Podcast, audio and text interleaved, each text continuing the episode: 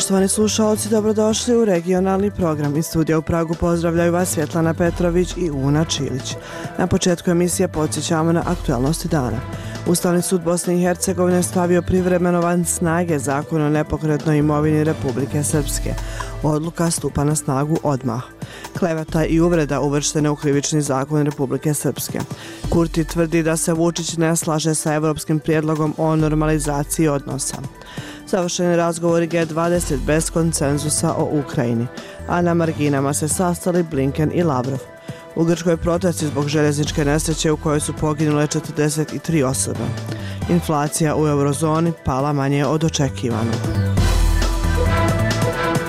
A u nastavku emisije između ostalog možete čuti kako se Beograd našao u centru međunarodne internet prevare koju je sprovodila kriminalna mreža kroz lažnu trgovinu kriptovalutama. Tužilac za visokotehnološki kriminal Branko Stamenković objašnjava koje su sve zemlje upletene u ovaj slučaj. Srbija bi bila pogon, Bugarska bi bila neka vrsta IT odeljenja, Kipar, Izrael bi bio menadžment. Čućemo šta je spaljivanjem svog ruskog pasoša na antiratnom protestu u Budvi želio da poruči Damir Zajnulin, koji sa svojom porodicom traži azil u Crnoj Gori. No, it wasn't difficult for me. Ne, nije bila teška odluka za mene. Bila je to čvrsta odluka jer mislim da se situacija treba promijeniti. Civilizovani svijet treba da razoruža Rusiju, da je denuklearizuje. Mostar još uvijek nije mjesto gdje će se manjine ili marginalizovane grupe kao i one sa invaliditetom osjećati ugodno. Ivica Pavlović je u invalidskim kolicima. Meni je nekako najgore to me žalosti i ljuti istovremeno kad vidim neki pločnik koji je rađen, spušten, ali nije dobro spušten. Kad se uradilo, zašto nije uradilo da valja? Ostanite sa nama. Slušate radio Slobodna Evropa. Bosna i Hercegovina je parafirala, ali još nije usvojila sporazum o slobodi kretanja sa ličnim kartama na Zapadnom Balkanu dogovoren u sklopu berlinskog procesa početkom novembra prošle godine. Sporazum bi trebao omogućiti građanima BiH i Kosova da se kreću iz jedne u drugu zemlju bez viza. Sporazum je Kosovo ratificiralo, ali treba ga usvojiti vijeće ministara BiH. No o njemu se na insistiranje ministara iz Republike Srpske do sada nije raspravljalo. Slušamo Predraga Zvjerca. Muharem Nervojar željno čeka da zaživi sporazum o slobodi kretanja sa ličnim kartama između zemalja Zapadnog Balkana. To bi omogućilo njegovom djetetu i drugim članovima porodice iz Prizrena na Kosovu da mu nesmetano dođu u posjetu u Bihać na sjeverozapadu Bosne i Hercegovine gdje živi od 1999. godine. Meni stvarno više se ne da da trčim po tim ambasadi. Ja već osam mjeseci nisam bio, nisam bio dole. Možete zamisliti kad dijete ne vidite osam mjeseci. Znači to nije baš tako jednostavno. Sporazume o međusobnom priznavanju ličnih karata, univerzitetskih diploma i profesionalnih kvalifikacija potpisali su lideri šest zemalja Zapadnog Balkana 3. novembra prošle godine na samitu u okviru berlinskog procesa. Da bi počela i primjena, neophodno je da dokumente u roku od 18 mjeseci ratificiraju parlamenti u svakoj od država. Kosovo je to učinilo 23. februara. Vijeće ministara Bosne i Hercegovine, kako je potvrđeno za radio Slobodna Evropa, odgodilo je tog istog dana raspravu o sporazumu, iako je ova tačka bila na dnevnom redu. Upitno je kad će se od njoj raspravljati, budući da je predsjednik Republike Srpske i Saveza nezavisnih socijaldemokrata Milorad Dodik kazao da neće dozvoliti usvajanje tog sporazuma. Tadašnji predsjedavajući vijeća ministara BiH Zoran Tegeltija, koji je u novom sazivu zamjenik predsjedavajući i ministar financija, kadar je Dodikove stranke, a on je potpisao nacrt sporazuma u novembru. Od Tegeltinog glasa ovisi hoće li se sporazum uvrstiti na dnevni red sjednice, a od glasova drugih ministara iz te stranke hoće li biti usvojen. Elmedin Konaković, ministar vanjskih poslova Bosne i Hercegovine. Zašto bi recimo ljudi iz Republike Srpske ne, ne bi imali slične stavove koje ima vlada Srbije ili rukovodstvo Srbije i zašto ne bi legitimisali ili priznali dokumente koje se tamo izdaju, koji su legalni. Dakle, razumijem da s neke strane se pokušava tu dati neka politička dimenzija. Znam da nema te odluke ukoliko na vijeću ministara ne glasaju ministri iz Republike Srpske. Mi ćemo naravno taj dokument predlagati onog trena kad za njega bude politička saglasnost. Tu zaista ne, ne, ne, ne mogu shvatiti zašto ne bismo oko toga imali političku saglasnost. Bosna i Hercegovina je osim Srbije jedina zemlja u regiji koja ne priznaje nezavisnost Kosova jedina zemlja u regiji koja s Kosovom ima vizni režim. Druga dva sporazuma o priznavanju diploma i stručnih kvalifikacija doktora stomatologa i arhitekata omogućit će da građani Zapadnog Balkana posao u svojoj struci potraže u nekoj zemalja regije. Za Radio Slobodna Evropa iz Sarajeva, Predrag Zvijerac. Ovo je regionalni program Radija Slobodna Evropa. Slušajte nas svaki dan u 18 i 22 sata. Sa protesta podrške ispred vlade Srbije i Republičkog javnog tužilaštva zatraženo je da se tužiteljke Višeg javnog tužilaštva u Beogradu Bojana Savović i Jasmina Paunović vrate na stara radna mjesta. Organizatori su naveli da su one smijenjene nakon što su istraživale malverzacije u najvećem državnom preduzeću Elektroprivredi Srbije, za koje se sumnja da iznose oko 7,5 miliona dolara. Tužilaštvo je odbacilo tvrdnje o smjeni. Prenosi Ljudmila Cvetković. Na protestu podrške dvema tužiteljkama ispred vlade Srbije okupilo se više stotina građana, odakle su krenuli u protestnu šetnju do Republičkog javnog tužilaštva. Advokat Čedomir Kokanović je izjavio na protestu da ovo nije politički skup, već da je reč o pravosudnim pitanjima. Zahtevi protesta su vraćanje tužiteljki na stara radna mesta, smena višeg javnog tužioca Nenada Stefanovića i njegove zamenice Brankice Marić, kao i smena republičke javne tužiteljke Zagorke Dolovac. Advokat Ivan Inić je ocenio da je pravosuđe u veštačkoj komi i da se održava na aparatima. Narod u Srbiji je gladan pravde. U društvu urušenih pravosudnih institucija gde se svakog dana čuju krici i odjeci obespravljenog i proniženog malog čoveka imenom i prezimenom pojavljuju se dve hrabre žene, dve tužiteljke Jasmina i Bojana. Protest je održan pod parolom Ne damo naše laure. Organizatori protesta uporedili su ih sa laurom Koveši, simbolom antikorupcionaške borbe koju su vlasti u Rumuniji smenile, a Brisel postavio za glavnu tužiteljku Evropske unije. Organizatori skupa postavili su rok od 5 dana, u suprotnom prete radikalizacijom protesta. Advokat Jovan Rajić je rekao je da svi zahtevi staju u dve reči, a to su nezavisno pravosuđe. Dve hrabre tužiteljke koje su nas okupile ovde danas pokrenule su ovu priču. I ova priča ide dalje. Čitamo poruku Ne dam Stefanovića, ne dam Zagorku. Mi ne damo Laure! Ne damo, sad je trenutak i sada moramo da stanemo svi zajedno. Do premeštanja zamenica tužioca Bojane Savović i Jasmine Paunović došlo je ubrzo nakon hapšenja šestorice osumnječenih za zloupotrebe u EPS-u. Zamenica tužioca Bojana Savović je za agenciju Beta izjavila 23. februara da je njoj i Jasmini Paunović bez obrazloženja oduzet slučaj EPS i da su smenjene iz odeljenja za suzbijanje korupcije. Tužilaštvo istog dana odbacilo te tvrdnje. Istakli su da je reč o premeštanju zamenica tužiteljki prema redovnom godišnjem planu u druga odeljenja. Sa druge strane, deo opozicije i nevladinih organizacija optužuje je vlasti pravosudne organe da vrše politički pritisak na tužiteljke i da pokušavaju da zataškaju slučajeve visoke korupcije. Tužilac Nenad Stefanović, prvi čovek višeg javnog tužilaštva u Beogradu, demantovao je te optužbe. Podršku tužiteljkama koje su postupale u slučaju EPS pružio je deo advokata i organizacija koje okupljaju pravosudnu struku i opozicionih partija. Više desetina njih je 25. februara u popodnevnim satima na kratko kratko blokiralo raskrsnicu kod vlade Srbije. Za radio Slobodna Evropa iz Beograda Jovana Krstić i Ljudmila Cvetković. Beograd se posljednjih godina našao u centru međunarodne online prevare koju je sprovodila kriminalna mreža preko call centara.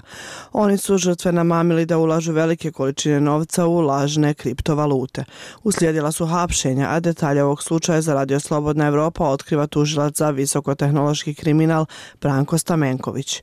Priču donosi Natalija Jovanović. Slučaj lažnog investiranja u kriptovalutu u Srbiji daleko je optužnice, ali bi ona mogla da obuhvati između 150 i 200 ljudi, objašnjava tužilac za visokotehnološki kriminal Branko Stamenković. Sumnja se da ima preko 127.000 oštećenih širom sveta, tačnije onih koji su u nekom trenutku uplatili depozite za investiranje preko lažnih platformi. Uplate su se kretale od par stotina do preko milion dolara, što je najveća pojedinačna uplata koju tužilaštvo vidi u ovom trenutku.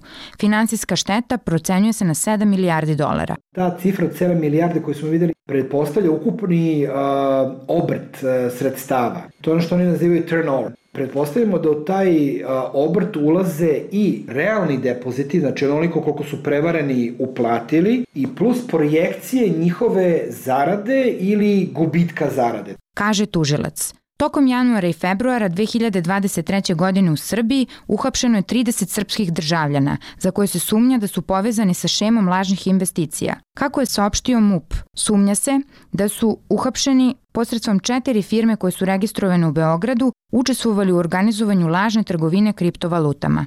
RSA je od firmi zatražio komentare i potvrde u vezi sa cijelim slučajem. Odgovore nismo dobili do emitovanja priloga. Advokat Slobodan Lalić, koji zastupa nekoliko okrivljenih u ovom slučaju iz jedne od firmi, a koji nije želeo da precizira njen naziv, kaže za RSE da u ovom trenutku nije prihvatljivo davati bilo kakve prognoze zbog toga što nisu stigli svi dokazi.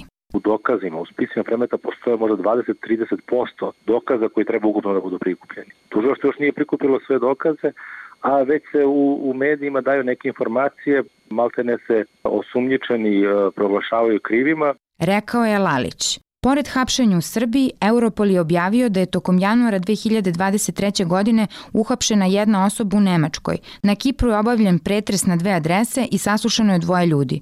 U Bugarskoj je saslušano 42 ljudi, a pretres je vršen na pet adresa. Srbija bi bila pogon, Bugarska bi bila neka vrsta IT odeljenja, Kipar, Izrael bi bio menadžment. I to je to. Dakle, toliko sada vidimo.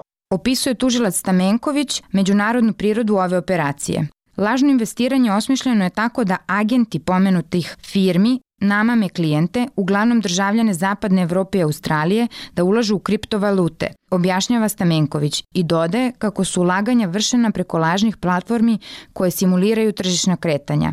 Oni koji ulažu novac stiču utisak da kupuju kriptovalute kao i da zarađuju novac na osnovu saveta agenata pomenutih firmi. U ovoj fazi istrage pronađeno je preko 80 različitih platformi za investiranje. Za Radio Slobodna Evropa iz Beograda Natalija Jovanović. Slušate regionalni program Radija Slobodna Evropa. 40-godišnji Damir Zainulin došao je u novembru iz Rusije u Crnu Goru i sa suprugom i dvoje djece zatražio azil. Na antiratnom protestu u Budvi održanom povodom godišnjice vojne agresije Rusije na Ukrajinu spalio je svoj pasoš. U razgovoru sa Jasnom Vukićević kaže da će trebati 50 godina da se u potpunosti razmontira ruska imperialistička mašina i zato za svoju djecu želi život van Rusije. Spaljivanjem svog ruskog pasoša sam želio da pošaljem poruku da ruska zajednica treba da prestane da radi za Rusiju, čak i kada nije u Rusiji, kaže Damir Zainulin. No, it wasn't difficult for me. Ne, nije bila teška odluka za mene. Bila je to čvrsta odluka jer mislim da se situacija treba promijeniti. Moj džed je umro u Gulagu, sovjetskom koncentracionom logoru. Moja baba je također bila u Gulagu i ne želim da se to ponovi sa mnom i sa mojom djecom. To se mora promijeniti. Civilizovani svijet treba da razoruža Rusiju, da je denuklearizuje. weaponize Russia and uh, denuclearize. But what was the main trigger to do that? Ali što je bio okidač da to uradite? Your own passport. I want to show this message. Želio sam da se ta poruka proširi, da više ljudi razmisli o tom koraku. Naravno da sam to mogao uraditi sam, kod kuće, ali sam želio da poručim da ruska zajednica treba da prestane da radi za Rusiju, čak iako su van Rusije. Mislim da možemo učestvovati u lokalnim projektima i lokalnoj ekonomiji i graditi nešto novo.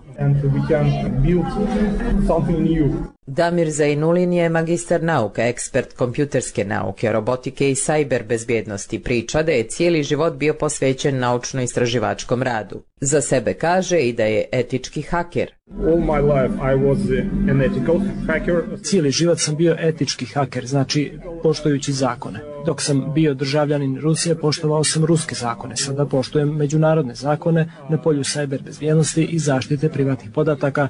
To je po mom mišljenju obavezno. It's mandatory for me. Na pitanje kako iznutra izgleda odnos Rusa prema ratu u Ukrajini i zašto nema masovnih protesta protiv strahota koje rat nosi, Zainulin smatra da su dva razloga. The first one is that uh, Russian uh, war machine uses not only weapons.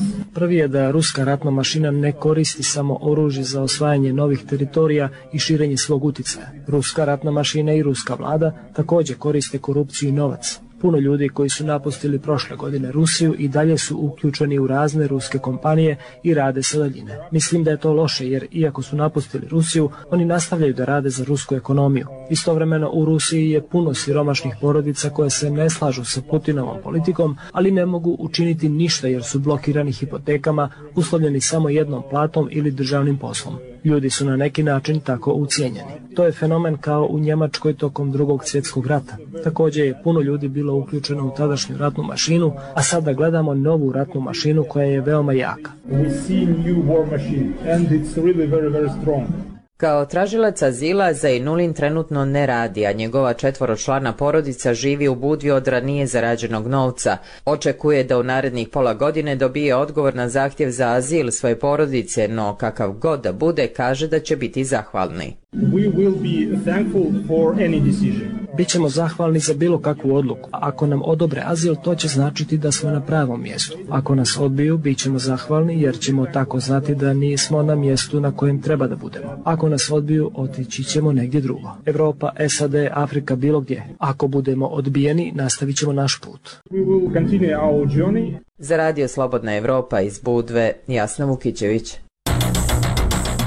U Bosni i Hercegovini su trenutno aktivne 52 javne kuhinje za podjelu besplatnih obroka, u kojima se hrani 18.000 građana. 34 objekta ove vrste i namjene nalaze se u Federaciji Bosne i Hercegovine, 17 objekata je u Republici Srpskoj i jedan u Brškom distriktu. Mapiranje javnih kuhinja koje je izvršio UNDP Bosna i Hercegovina navodi da broj korisnika javnih kuhinja se povećao za 500 u 2022. godini u odnosu na 2021. Javne kuhinje u najvećem obimu pružaju uslugu podjele toplih obroka, skoro pola miliona obroka koje podijele mjesečno. Najzastupljenije ugrožene kategorije društva među korisnicima su penzioneri, nezaposleni, samohrani roditelji, osobe sa poteškoćama u razvoju te pripadnici romske populacije. U novoj infografici pogledajte gdje se nalaze javne kuhinje u Bosni i Hercegovini, a na stranici slobodnaevropa.org potražite pod naslovom 52 javne kuhinje za 18.000 gladnih u Bosni i Hercegovini. Iz olupina dva voza u Grčkoj do sada je pronađeno najmanje 46 poginulih u najveća željezničkoj nesreći koja se dogodila u ovoj zemlji na jugu Evrope. Umeđu vremenu novoimenovani ministar saobraćaja danas je preuzeo dužnost sa mandatom da istraži uzrokove nesreće, modernizuje zastarjeli željeznički sistem i ponovo uspostavi sigurnost u željezničkom saobraćaju.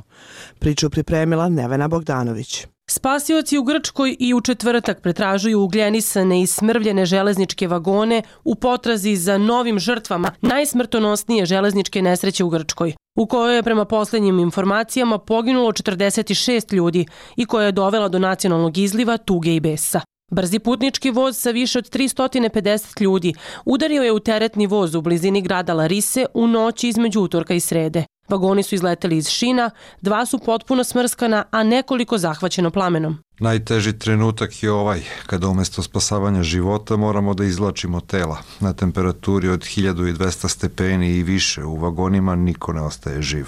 Rekao je 40-godišnji spasilac Konstantinos Imanimidis, reporteru Reutersa na mestu nesreće, 210 km severno od Atine. U blizini su plakala dva brata, govoreći da su došli na mesto nesreće u nadi da će dobiti neke vesti o svom ocu, nakon što bolnica nije mogla da im kaže da li je njegovo telo pronađeno. Mnogi putnici morali su da razbiju prozore i iskoče da bi izbegli plamen.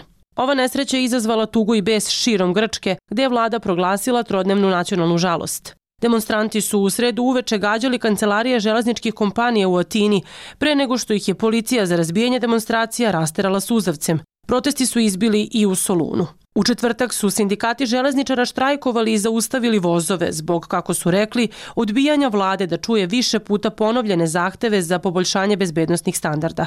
Novoimenovani ministar saobraćaja Georgios Gerapetrit rekao je da je dobio zadatak da istraži uzroke nesreće i da modernizuje infrastrukturu, nakon što je njegov prethodnik, Kostas Karamanlis, u sredu podneo ostavku. Šef železničke stanice u Larisi uhapšen je u sredu, dok su vlasti ispitivale okolnosti koje su dovele do toga da se putnički voz na putu ka severnom gradu Solunu sudario sa drugim vozom koji je prevozio kontejnere koji su dolazili u suprotnom smeru na istom koloseku. U televizijskom obraćanju u sredu uveče premijer Kirijakos Mitsotakis, koji je ranije posetio mesto nesreće, rekao je da dokazi ukazuju na ljudsku grešku. Nikos Curidis, penzionisani trener mašinovođa, rekao je da ljudska greška nije u potpunosti objasnila šta se dogodilo. Načelnik stanice je napravio grešku, priznao je to, ali sigurno bi trebalo da postoji sigurnosni mehanizam na koji bi trebalo da se vrati. Rekao je on. Grčka je prodala železničkog operatera Train Ose u okviru svog međunarodnog programa otplate dugova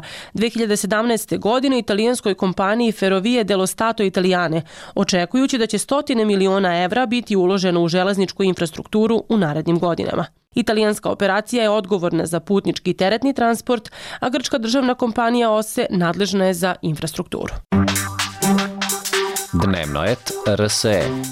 Pregled regionalnih i svetskih događaja dana. Program američkog predsjednika Joea Bidena za oprost studentskih dugova naišao je na sumnje konzervativne većine sudija Vrhovnog suda SAD-a koje su dovele u pitanje pravnu osnovu te mere. Tokom rasprave na Vrhovnom sudu u utorak, konzervativne sudije su dovele u pitanje da li Biden bez odobrenja kongresa ima ovlašćenje da nekima izbriše studentski dug, kao i da li je takva mera pravedna, ukazuje Financial Times. Biden je u avgustu objavio plan za otpis do 10.000 dolara federalnih studentskih zajmova za Amerikance koji zarađuju manje od 125.000 dolara godišnje. Plan takođe predviđa otpis do 20.000 dolara duga za one koji su dobili zajam preko Pell Granta, koji se daje studentima iz porodica s nižim primanjima. Pojedini pravni stručnjaci rekli su za BBC da slučajevi pred Vrhovnim sudom o oprosto dugova najavljuju probleme za jedno od Bidenovih obećanja iz kampanje za izbore 2020. Američka vlada je počela da pruža pomoć zaduženim studentima u martu 2020. skoro odmah pošto je tadašnji predsjednik Donald Trump proglasio vanredno stanje zbog pandemije COVID-19. Potom su i Trumpova i Bidenova administracija produžavale olakšice do avgusta prošle godine kada se ministar obrazovanja pozvao na zakon iz 2003. za trajni otpis studentskih dugova. Međutim, kako ukazuje Wall Street Journal, očekivalo se da će se plan oprosta duga suočiti s preprekama na Vrhovnom sudu, gde je konzervativna većina već bila kritična prema drugim Bidenovim inicijativama i poništila nekoliko njih u vezi s pandemijom koronavirusa, uključujući moratorijum na deložacije stanara i zahtev da veliki poslodavci poslodavci testiraju svoje radnike zbog infekcije ili zahtevaju da se vakcinišu. Pregled regionalnih i svetskih događaja dana potražite na dnevnoet.rse. Slobodna Evropa.org. U Zagrebu se održava četvrti sastanak partnerstva za transatlantsku energetsku i klimatsku saradnju. To je inicijativa Sjedinjenih država i 24 države Srednje i Istočne Evrope, a tema susreta je jačanje transatlantske solidarnosti usred energetske krize i osiguranje napora za energetsku tranziciju, jačanje energetske sigurnosti i dalje regionalne integracije. Pripremio Enis Zebić. Rusija je terorizirala ukrajinske građane namjerno gađajući energetska postrojenja kako bi oni pomirali od hladnoće i radila je na tome da druge države ostavi bez dostatnih količina energije. Ali ustali smo zajedno i sve to spriječili, kazala je američka ministrica energetike Jennifer Granholm na ministarskom sastanku partnerstva za transatlantsku energetsku i klimatsku suradnju u Zagrebu, PITEC. Nastavlja se i dalje na pomoći Ukrajini i prestanku ovisnosti Evrope o energentima iz Rusije, a cilj je zelena obnovljiva dostupna energija, dodala je. Sjedinjene države nude pomoć članicama Piteka, među ostalim i u razmjeni iskustava u zaštiti energetske infrastrukture od fizičkih, ali i cyber prijetnji.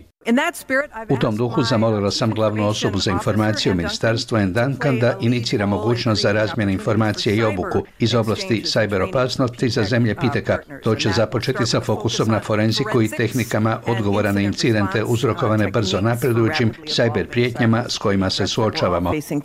O važnosti i dostupnosti energije o važnosti skupa hrvatski premijer Andrej Plenković. Mislim da je ovakav e, sastanak na ovoj visokoj razini u ovom trenutku priznanje i Hrvatskoj i našem radu da zajedničkim naporima smanjimo efekte energetske krize za cijelu Europu pa i cijeli zapadni svijet koji podržava Ukrajinu, a isto tako osiguramo priuštive cijene energenata za naše građane. Plenković je najavio da osim što se priprema proširenje kapaciteta LNG terminala na Krku sa 2,9 milijuna kubičnih metara plina na 6,1 milijun, da se on može po potrebi proširiti na 15 do 20 milijuna kubika. Ukrajinski ministar energetike Herman Halušenko opisao je kako se Ukrajina nosi sa opskrbom energije svojih građana pod ruskim raketnim napadima, ali i o tome da Ukrajina želi dramatično ubrzati zelenu energetsku tranziciju. We need to because really what happened when a lot of thermal generation was destroyed. Ne samo da želimo, nego i moramo.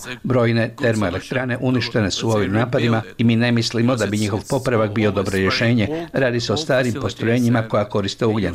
Rat je ubrzao našu zelenu tranziciju i mi se ne želimo vraćati na stara rješenja. So we need to speed up our green transitions, not to come back to what, what it was. Za radio Slobodna Evropa iz Zagreba, Enis Zebić. Zanima vas što se dešava u regiji? Sve možete naći na slobodnaevropa.org. A Mostar još uvijek nije mjesto gdje će osobe sa invaliditetom, manjine ili marginalizovane grupe se osjećati ugodno. To je stav nevladine aktivista, ali nekih od zvaničnika koji su kazali i na neusklađenost i neprovođenje zakona koji se odnose na bolju zaštitu ranjevih grupa stanovništva. Aktivisti također smatraju kako je potreban i bolji angažman sami građana, te da samo iznoženje stavova na društvenim mrežama neće riješiti problem. Više je saznao Mirsad Behram. Ivica Pavlović iz Mostara je u invalidskim kolicima. Kaže da se inače teško kretati po Mostaru jer je prepreka mnogo, pogotovo kada je riječ o visoko podignutim trotoarima. Pavlović posebno naglašava. Meni je nekako najgore to me žalosti i ljuti istovremeno kad vidim neki pločnik koji je rađen i urađen je spušten, ali nije dobro spušten. Znači to me baš naljuti, ono kad se, kad se uradilo, zašto nije uradilo da valja. Ipak to ostaje prepreka neka, iako je donekle prilagođen, ali nije skroz. Upravo odgovore na pitanja kao što su kakav je pristup javnim prostorima kao i sadržaj za osobe sa invaliditetom, zatim mogu li se žene i djevojčice slobodno kretati u večernim satima, mogu li majke i bebe šetati gradom zbog automobila na trotoarima, da li su Romi zastupljeni u obrazovanju, traže nevladne organizacije kroz projekat Prostori koji pokreću. Selma Žuljević iz Agencije lokalne demokratije, poznatije kao LDA Mostar, kaže da trenutno se ne može reći da je Mostar inkluzivni grad. Nevladine organizacije projektom nastoje da građani ostave svoje prijedloge koji će biti obrađeni i dostavljeni institucijama, jer građani ne znaju kako doći do institucija. Nažalost, pisanje po društvenim mrežama nije toliko produktivno i želimo građankama i građanima ponuditi kanal koji mogu koristiti za postupanje po problemima sa kojima se suočavaju. A problemi su različiti. Tako, na primjer, Adela Gosto, predsjednica Komisije za ravnopravnost polova u Gradskom vijeću Mostara, smatra da se žene u tom gradu ne osjećaju sigurno. Gosto tvrdi da je veliki problem neusklađenost zakona sa Istanbulskom konvencijom kao i to što, na primjer, zakon o ravnopravnosti polova sa državnog nivoa nije usklađen sa krivičnim pravom nemate adekvatnu sprovedbu, znači nešto što zakon o ravnopravnosti spolova kao što je nasilje i bilo kakav oblik nasilja tretira kao krivično djelo, naš krivični zakon tretira kao prekršaj. To vam sve govori da je počinitelj toga djela nakon 24 sata pušten ovaj van. Haris Idriz, rukovodilac odjela za razvoj i vanjsku saradnju na Međunarodnom koleđu Ujedinjenog svijeta u Mostaru, podsjeća da tu školu pohađaju učenici iz cijelog svijeta, kojima se, nažalost, događaju verbalni, ali i fizički napadi. Sigurno da očekuju određenu inkluzivnost u samom gradu Mostaru. Međutim, postoji veliki broj primjera da učenici se javljaju sa određenim problemima vezanim za inkluzivnost. Dakle, nije u onom segmentu koji bi trebao biti grad inkluzivan, ali se radi na tome. Ovdašnje društvo je u dobrim koracima ka inkluzivnosti, ali se još ne može govoriti o potpunoj inkluzivnosti osoba sa invaliditetom i manjinskih grupa, kaže Marijan Tustonja iz Ureda za studente sa invaliditetom Sveučilišta u Mostaru. Ali ono što mi trebamo rušiti jesu barijere u biti mentalnog sklopa ljudi i onoga kako je društvo doživljava osobe s invaliditetom u svakodnevnom životu. Inače, o ovim temama bilo je riječi na današnjem skupu pod naslovom Da li je Mostar inkluzivan grad koji je održan u Mostarskom centru za kulturu. Za Radio Slobodna Evropa iz Mostara, Mirsad Behram.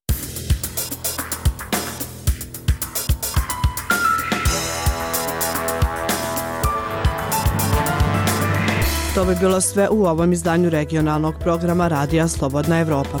Sve aktualne informacije možete pratiti na našem sajtu slobodnaevropa.org kao i na našim društvenim mrežama Facebooku, Twitteru, Instagramu i YouTubeu.